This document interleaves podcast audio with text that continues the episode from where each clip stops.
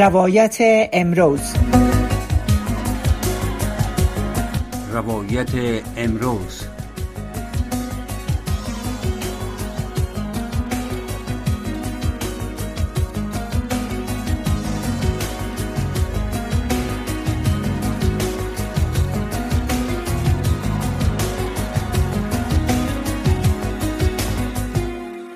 سلام شنوندگان عزیز به برنامه روایت امروز از رادیو آشنای صدای امریکا خوش آمدین. شنوندگان عزیز افغانستان کشور است که البته در در چل سال گذشته مشکلات زیادی را از موجودیت جنگ ها در افغانستان از مصایب دیگر مردم این کشور رنج بردن. یکی از مشکلات عمده که در افغانستان در گذشته هم موجود بود و حالا ای به یک مرحله بسیار بحرانی خود رسیده مسئله کاریابی برای مردم است. از جمله کسایی که مسئله کاریابیشان زیاد مطرح است. میبخشین از جمله کسایی که مسئله کاریابی برای دونا بسیار اهمیت داره تحصیل یافتهایی هستند که در افغانستان تحصیلات عالی خود به پایان رساندن و در مؤسسات تحصیلی افغانستان تعلیم حاصل کردن و امروز به تعداد زیاد در افغانستان بیکار و یک زمینه استخدام برشان مساعد نیست که دی هم پسران یا مردان و همچنان دختران و زنان همه شامل هستند. خب برای که در افغانستان با این وضعیت موجوده یک زمینه کاری یا زمینه فرصت های استخدام به میان باید کار صورت بگیره تا همه ساله تعداد به تعداد معسلان که فارغ از مؤسسات عالی در افغانستان میشن افزوده شده میره و از طرف دیگه زمینه کاری به مو پیمانی که شاید و باید باشه به اون پیمانه نیست. ما روی این معضله و طرقی که میشه که زمینی کاری و استخدام فراهم شد با میمان برنامه خود جناب سیام پسرلی صحبت می‌کنیم. جناب پسرلی صاحب در امریکا هم زمینه کاریابی را برای اوانای مقیم اینجا فراهم کردن که ما اول از اشتراکشان در برنامه تشکری می‌کنیم و ایشان خوش آمدید میگیم جناب پسرلی صاحب به برنامه خوش آمدید. زنده باشین خوش باشین. تشکر عدل صاحب. سلام احترامات ما هم پذیرا شوید تشکر از اشتراک شما جناب پسرلی صاحب. اولی که پیش از که ما روی مسئله استخدام در افغانستان و زمین های کاری در افغانستان صحبت کنیم. اول شما کاری را که در ایالات متحده برای افغان های مقیم اینجا که در یا آخر به افغانستان از افغانستان آمدن اگر به صورت خلص شما زمین های کاری را که در اینجا برای تعداد از افغان ها فراهم کردین اول را کمی تشریح کنین باز به اصل موضوع افغانستان می‌پردازیم. بفرمایید شما چی اقداماتی در این زمینه کردین؟ تشکر خوش باشین. ما وقتی که به امریکا آمدم به من خیلی زیاد مشکل بود که بتانم یک موقف خوبی را به دست بیارم. به دلیل که ما مردم اینجا نمیشناختم ارتباطات ما بسیار کم بود. بله. و یک کار به خود پیدا کردم که در قلب بتانم مصارف خود را پورا کنم. ولی دیدم که مردم خیلی زیاد هستن افغانه ما بسیار در بدر میگشتن کار نداشتن مشکلات داشتن. و سختی و سختی رو که دیدم باز ما شروع کردم که باید من خودم در باش قسمی که در افغانستان کار میکردم امو کاروبار را باید ما در امریکا هم شروع کنم. خوشبختانه شرکت را جور کردم به نام کارپو. بله. مرکز خدماتی کارپو.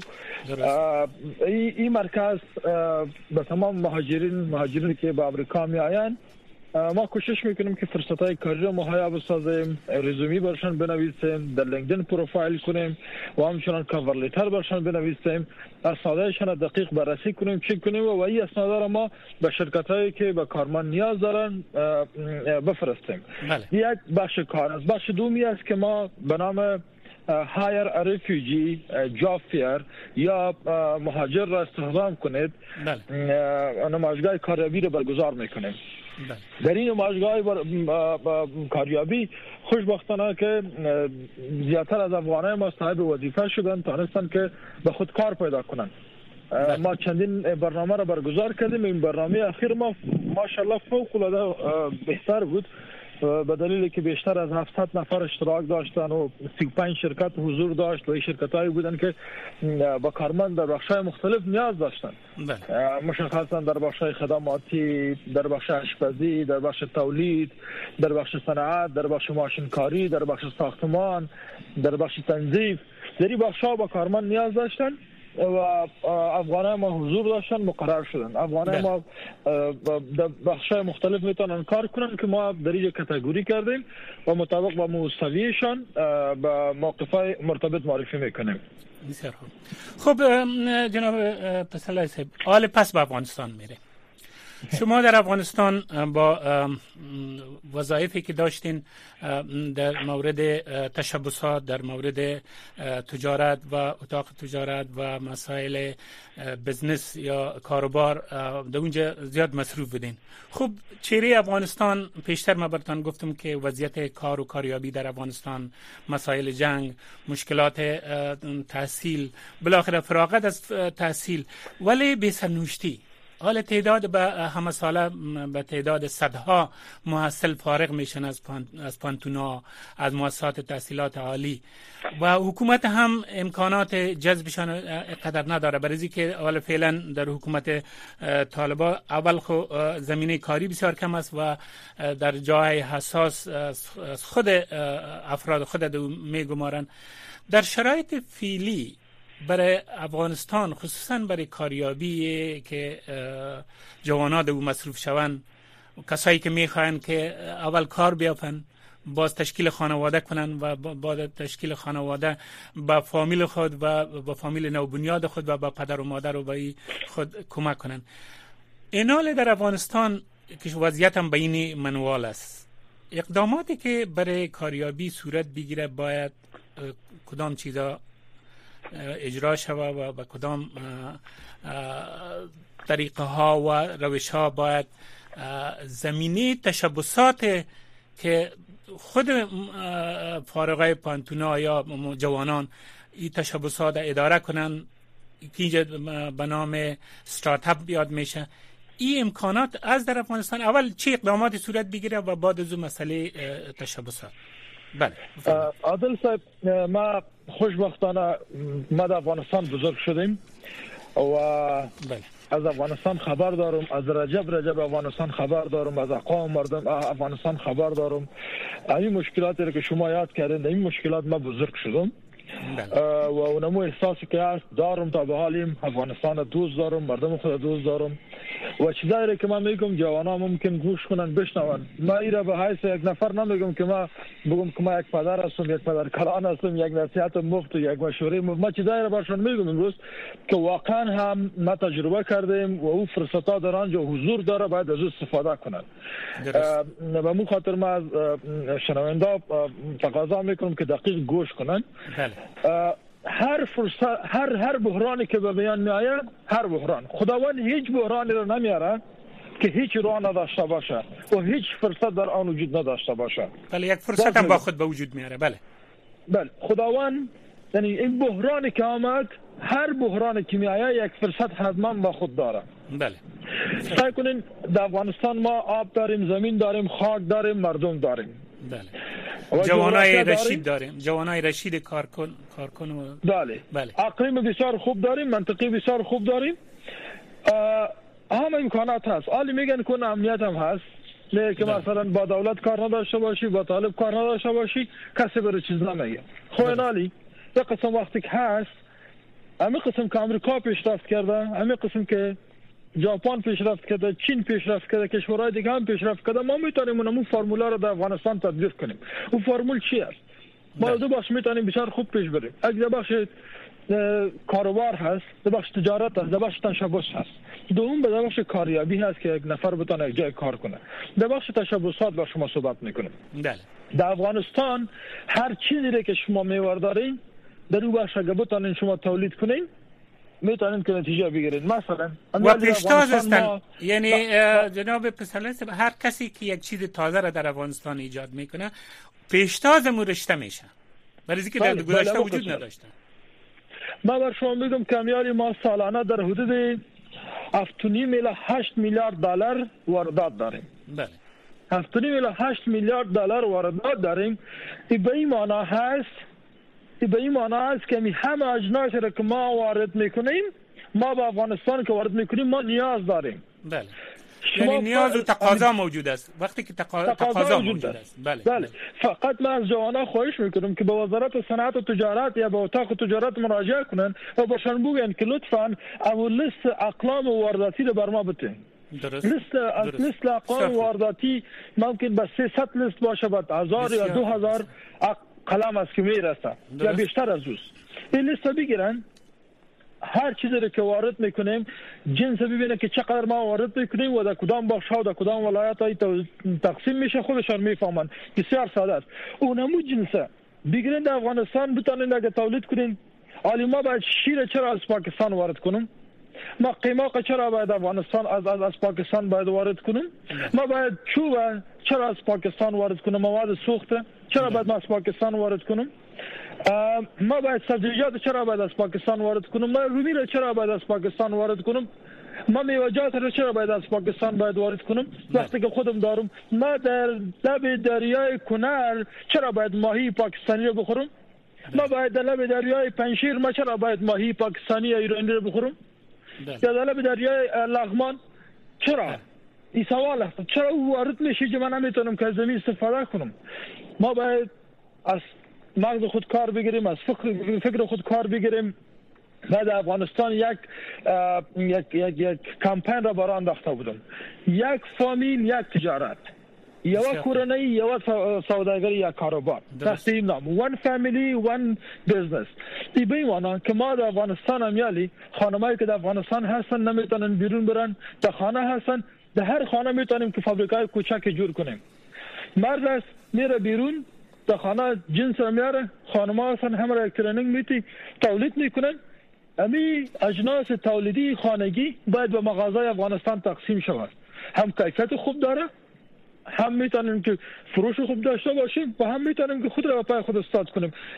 خانمایی که بیرون رفتن نمی‌تونن در خانه می‌تونن که تولید داشته باشن. از آچار گرفته از روب گرفته. اما قسم حتی در بخشای مواد شوینده همین بله. سوپ همین صابون از صابون شامپو چیزایی که تولید میشه بسیار با آسانی تولید میشه. لوازم خانگی صنایع دستی حتی امی لوازم خوراکی مواد خوراکی که شما میبینید در بازار فروخته میشه که کلچه و چیزایی که از اکثر از از پاکستان مواد از, ایران وارد میکنن این همه را اگه یا بررسی کنن میتونن که در خانه تولید کنن یک بسته‌بندی بسیار خوب برش بکنن نام خودم سرش بزنن خب. خودم بر سرش بزنن بسیار خوب. جناب فهمیده شد. درست. بسیار پیشنهاد خوب. خوب اینال برزی که اینمی کار صورت بگیره. برزی ضرور است که بعضی از مؤسساتی به وجود به غیر دولتی یا مؤسسات خصوصی یا شرکت هایی که مثل که شما اینمتر یک انتیتی را جور کردین. اینا برزی شما چی پیشنهاد می‌کنین که برزی که این مردم تنظیم کنه و تشویق کنه و یک, رهنمود درست برشان جور کنه و کمک های تکنیکی و کمک های یک اندازه مالی را فراهم کنه. شما چی پیشنهاد می‌کنین که برای که اینمی معمولی را که شما فرمودین اینمی معمول به تحقق بیه. ولی ای, خوب به یک نوع سازمان های ضرورت داره که مردم خصوصا جوان ها را دمی راستا تنظیم کنه و از طریق مؤسسات بین المللی حتی می‌تونه که یک اندازه کمک به این صورت. چرا؟ به یک اینطور یک سازمان های به وجود نه که این میره در بین جوان ها و در جامعه تنظیم کنه. یا بعضی از مؤسسات غیر دولتی نمی کار کنه برای تنظیمشان. شما چی, چی فکر می‌کنید؟ ما باور من متفاوت هست. این باور هستم که کاروبار باید از صفر شروع شود و منابع و امکانات خود را باید مدیریت کنیم و اونمو درد و رنج را که در, در رشد کاروبار ما باید داشته باشیم او را باید بگذارانیم تا به قدر کاروبار بفهمیم. به هیچ دنیای قسم نشده که یک نفر بیا بردوی که بچه می نمی کار است گینی پیسه از این نفر از این امکانات است. یا الله کبر به خیر پیش برو. این کار سبا دیگه سبا میلیونر شما فکر میکنید نتیجه مردم هستن که صفر شروع کردن. ولی بدبختانه در افغانستان ما در 20 سال گذشته می تو به میلیاردها دلار آمد به بیلیون ها دلار افغانستان آمد و پس را شد گذشت رفت. به نام خدمت خدمت آن. ما هیچ باور بالای امی خدمات غیر دولتی سازمان دولتی در بخش رشد تجارت و کاروبارهای کوچک که مردم پول بتن و باز قرضه بتن و باز. به هیچ ما زیاد باورمند نیستم. ولی باور به دارم که اگر خود انسان بخواه خود انسان که با پای خود استاد شود او میتونه به خود منابع رو بسازه. مثلا من بر شما مثال میتونم بله. ما بگم که افغانه ما که هستن هر همشان یک پنج نفر خمش هستن یعنی همشان که پنج نفر می‌شناسن یک پنج هزار افغانی خدارن این پنج نفر که جایشون 25 هزار افغانی میشه.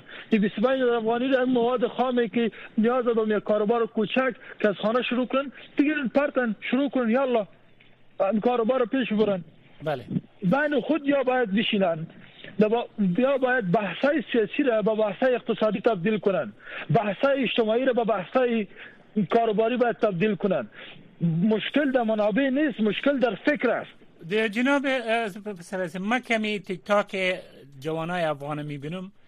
تمام روز به چیزای بسیار منفی که نفاق در افغانستان دامن می‌زنه. وقتشان ضایع می‌کنه. از کار و زندگی و غریبی میمانن و غیر از اینکه نفاق و یکی دیگر به دورت گفتن است کدام چیز دیگه نیست. آیا نمیشه که از این طریق این میتر گفتگو یا گفتمان در بین جوانا سرزمی ایجاد شود؟ خب بازم مثل که ما پیشتر گفتم جناب سرزمی یک کسی باشه که امیر پروموت کنه یعنی به اصطلاح امیر قبالش موجود باشه. اینمی شما که اینمی ساختین نمی‌تونه یک انتیتی ده آیا امکانش هست که شاخی از در افغانستان شما هم به می رقم ایجاد کنین و اونجا هم مسئول داشته باشه که در قبال زمی دمی تحرک موجود قرار بگیره؟ بله. عادل صاحب این شرکتی رو که ما جور کردیم بله. افغانستان است اساس افغانستان است. این شرکت در افغانستان بود. این کاروبار ما در افغانستان داشتم و بله. سمینارها و برنامه رو برگزار کردیم. از طریق صفحات یوتیوب خود فیسبوک خود ما موضوعات نشر می‌کنم. کانال یوتیوب دارم. همیشه ما برنامه رو نشر می‌کنم. در هفته یک ویدیو حتما در این موضوعات نشر می‌کنم.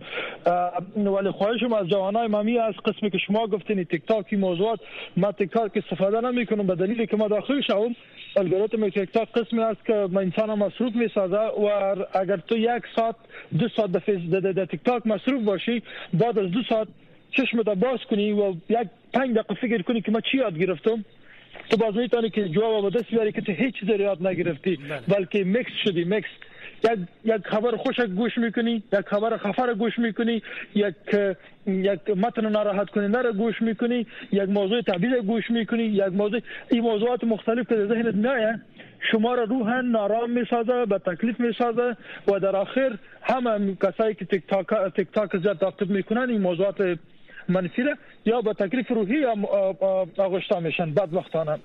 خب ما به مو خاطر تیک تاک زیاد فعال نیستم ولی در یوتیوب و در فیسبوک ما فعال هستم. ولی جوانای خود را که ما میبینم که در تیک تاک در بسیات و مزخرفات مصروف هستند ما میگم که از خداوند بترسین به حال خود را هم کنین چی وقت یاد می‌گیرین چی وقت به پایتان استاد میشین؟ دنیا را ببینین که به کجا رسید به کدام سرحد رسید. مردم در کدام کارا مصروف هستند و تر ما در کدام وضعیت است؟ شما در کدام وضعیت هستین؟ از برای خدا یک کمی آرام شوین ببینین.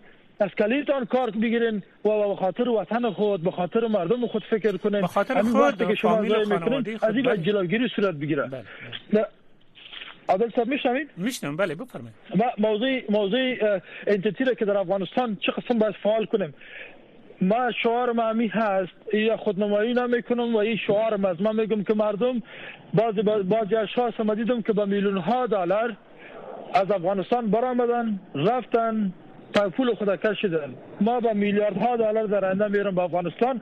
سرمایه گذاری می‌کنم. افغانستان رو می‌خوایم که قسم می ارمانی که ما خود داریم و دیگه دوستا دارن به می ارمان باید برسانیم. به می فکر به می خاطر همیجا هستم. همیجا با افغانای خود کار می‌کنم. و این فکر در افغانستان انشالله پیاده می‌سازم که یک فامیل یک تجارت. بله یک چیز دیگه می‌خواستم پیش وقت کم مانده ببخشید. آیا اینطور یک مؤسساتی که سرمایه کوچک در اختیار بعضی از جوان بگذارن برای که یک, یک اندازه باید سرمایه موجود باشه بدون سرمایه کم و چیز هم مشکل است. آیا اینطور امکانش هست که مثلا ملل متحد خصوصا مثلا مؤسسه کار ملل متحد یا پی یا یک ترتیب شو از طریق بعضی از چیزا یک اندازه سرمایه را در اختیار جوانای سرمایه به اصطلاح ابتدایی یا که به نام seed money میگن این ای امکاناتش شده می‌تونه؟ این امکان داره. فقط دو بخش دو ارگان جور شده دو ارگان. بله. یک ارگان Small Business Development Center مراکز انکشاف تشبسات کوچک. دوم Incubation Center Incubation Center به معنی که جوانا که در خانه کار کردن نمی‌تونن این بخش های مراکز آموزشی در هر ولایت باید ساخته شود. جوانایی که با کار نیاز دارن با فکر نیاز دارن با مشوره نیاز دارن باید بیان از اونجا کار کنن سر خود کار کنن و اون نظریات تا باید پیاده کنن بازم میگم. One Small Business Development Center و همچنان Incubation Center ای در تمام افغانستان باید در هر ولایت یک دانه ساخته شود و business coach ا کسایی که در بخش کاروبار کار میکنن و مشاورین هستن استادا هستن کاروباری هستن از یا باید تقاضا شود که پرزنتیشن بتونه با مردم کار کنن و مشوره باشن بتن که تا تمام مردم از این موضوعات خبر شود و این چیزی است که ملل متحد هم میتونه سازمان آیلو هم میتونه دبلیو هم میتونه ارگانایی که در چوکات وزارت صنعت و تجارت میشه که ساخته شود و ای, پیش برده شود بهترین نظریه است و تمام افغانستان مفید تمام میشه و این ده همه کشوران نتیجه داده امیال در امریکا به نام Small Business Development Center ها وجود داره grant وجود داره پول وجود داره او پول ما میتونیم که افغانستان هم داشته باشیم مردم مردم خیر هستن که میتونن کمک کنن خب. سازمان ها هستن و امی قسم competition ها و رقابت های نظریات کاروباری باید ساخته شود که همه بیان نظریات خود pitch کنن. مثل Shark Tank امریکا Shark Tank استرالیا Shark Tank India که هر کس مفکوری بسیار خوب داشته باشه می‌تونن که اینوستر یا سرمایه گذار بتونه تا اوج سرمایه گذاری کنه. این فکرایی است که چطور آغاز شد. بالاخره از کجای آغاز شد؟ کی می کار مثلا امی آغاز و شروعش یک کدام کدام کسی و کدام سازمانی شروع کنه دو, دو گروه بسیار رول مهم را بله. در قدم اول دولت وزارت صنعت و تجارت وزارت. اقتصاد این. دو وزارت خیلی رول عمده و مهم را داره باید کار کنن. دو مردم ما هستن که هر کدام انفرادی باید متوجه باشن کار کنن. مثل ما خود من ما به مردم عام میایم آواز خود بلند کردم با شما صحبت می‌کنم مردم خبر میشن. همه باید کوشش کنن با که دیگه باید تماس شویم گروپ های کاری جور کنیم. یک نفر که ما می‌فهمن بین ما می‌فهمن اون رو قدر بدیم احترام کنیم. بگو بیادر تو یک دو نقطه می‌فهمی. بیا که شریک کنیم از جایی که بگو او تو چی هستی؟ تو نمی‌فهمی تو تو زود همین گپای ناقل بی جای باید بانیم.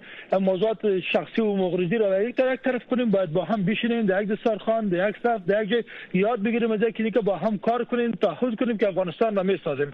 این راه حلش هست. بله. خب بسیار خب یک مسئله دیگه. فعلا متاسفانه تعداد زیادی از متعلمین متعلمات مکتب که دخترها از سنت شش با بالا اکثرا در خانه نشین شدن و یا معسلین پانتون که معسلات پانتون بودن خانه نشین شدن.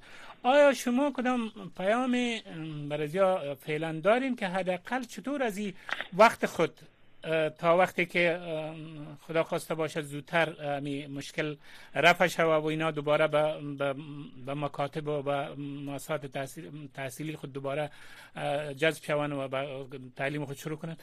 تا تا وقتی که کار صورت می‌گیره شما به این جوانا که نیروی بسیار عظیم است و امروز راکت باقی ماندن شما کدام چیزی پیامی دارین که اینا چی, چی می‌تونن انجام بدن؟ بله. در قدم نخست و بسیار خفه هستم که در قرن 21 ما با یک مفکوره بسیار کثیف آمده و میگم که باید خانم درس نخوانن و صنف شش باید بالا درس نخوانن. این مشکلات این ای زجر کننده است این ظلم است جبر است و باید از این جلوگیری صورت بگیره در قدم دوم ما بر جوانایی که در خانه هستن خانما را میگم همشان میگم. همه تان مبارز هستن و شخصیت های بزرگ در دنیا کسایی نبودن که پیش دی هولدر داشته باشن. امیل تجارت هایی که پیش برده میشه به شمول ایلان ماسک و مارک زاکربرگ و چی و چی و چی کسایی که شما نام ببرین یا کسایی نبودن که یا در پهانتون اول را بودن و باز رفتن پیش دی گرفته باشن یا سیاستمدارای دنیا رو ببینین که از بزرگترین از جو بایدن گرفته تا تا پوتین و دیگه کسایی نیستن که یا ماستری و یا یا یا, یا پی جی هولدر باشن. ما میگم کس و یاد بگیرین. اینا به خود یک امید ندین کلمه نمی‌تونم درس بخونم و فکر کنن که ما دیگه ضایع شدیم. شکر الحمدلله. میال زمانه اینترنت از یوتیوب دارین فیسبوک دارین تلگرام دارین همه همه دنیا در دستتان هست همه دنیا در تلفنتان هست. برین به channel های یوتیوب داخل شوین. channel یوتیوب ما هست. دیگه یوتیوب هست اشخاص که این بخش کار می‌کنن.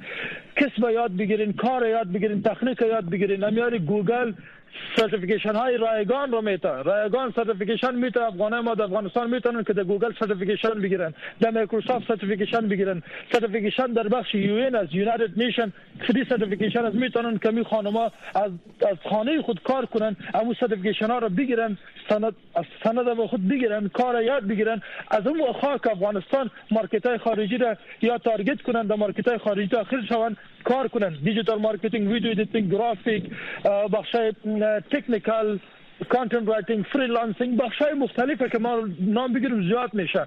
در همه بخش ها با کارمندان نیاز هست. امیال هندیا پاکستانی فیلیپینیا مکزیکویا همشان چینایا در خانه خود ششتن ولی در مارکت های بین داخل هستن. کار میکنن پول به دست میارن. این ای تکنولوژی فرصت ماهره ساخته و خانمایی که در افغانستان هستن دیگه پسرایی که هستن باید ای ایده به خود دلیل نگیرن که ولا فرصت کار نیست فرصت این نیست اون نیست. اگر بازم کسی میگه که فرصت کار نیست من میگم شما تنبل هستین. خب یک چیز دیگه هم بیش از که وقت ما تقریبا یک دقیقه مانده ببخشید. امی تعداد زیاد جوان متاسفانه به می فکر هستند که ما باید وطن ترک بگیم و کسایی که در بیرون هستند به اصطلاح خوشبخت هستند و در کل دنیا هستند کسایی که در افغانستان هستن این چطور می‌تونن که دوباره توجه و فکر و ذهنشان برای خودشان برای آیندهشان برای وطنشان دوباره معطوف شوه و از این ذهنیتی که شو روز انرژیشان تقریبا از بین می‌بره اینا چطور خلاص شوند بالاخره فقط یک دقیقه وقت داریم جناب پسر صاحب عادل صاحب ما فقط بله. یک چیز میگم بله. که پول در امریکا ده دیگه خارج در درخت بند نیست که تو بری بگیری نفست بله. نبرای که شو روز کار می‌کنی دوم شما خوشبخت هستین که با پدرت با مادرت با خانمت با اولادت در یک دسترخوان میشینین. نان میخورین با هم هستین اتفاقتان جور در وطنت هستی هر چیز در میرسه. از ایره با خود یک, فرصت, بحرانی فکر نکنین ایره برتان یک فرصت خوشبختی فکر کنین و پیش برین. کسایی که در خارج هستن باید زحمت بکشن کسایی که داخل هستن کمک کنن و کسایی که داخل هستن با کسایی که در خارج هستن کمک کنن. یک جا مشترکن باید ما قسم پیش بریم. و هر چیزی که خداوند بر ما داده باید شکرگزار باشیم. همین شکرگزاری سبب میشه که ما ذهنا آرام باشیم. ما موتر ندارم ما باید بگم شکر خداوند حداقل زنده هستم کار می‌کنم پیدا می‌کنم. ما اگر باسکل ندارم میگم خداوند شکر جانم جور است پیدا می‌کنم. این. چیز است شکر بکشین از خداوند و متوجه کارهای خود باشین. از جای موضوعات سیاسی و اجتماعی به موضوعات کاروباری و اقتصادی فکر کنین. اما قسم اساسا باید روش کنیم پیش بریم. از موضوعات قومی و زبانی و نفاق جلوگیری شد صورت بگیره باید. جناب پسرلای صاحب از اشتراک شما در برنامه زیاد تشکر. امید است که این برنامه ما را جوان شنیده باشند و در زندگی خود و در آینده خود از او استفاده کنند. خب با شنوندگان عزیز در اینجا خداحافظی می‌کنیم تا برنامه آینده شما را به خداوند بزرگ و یکتا میسپارم. شب خوش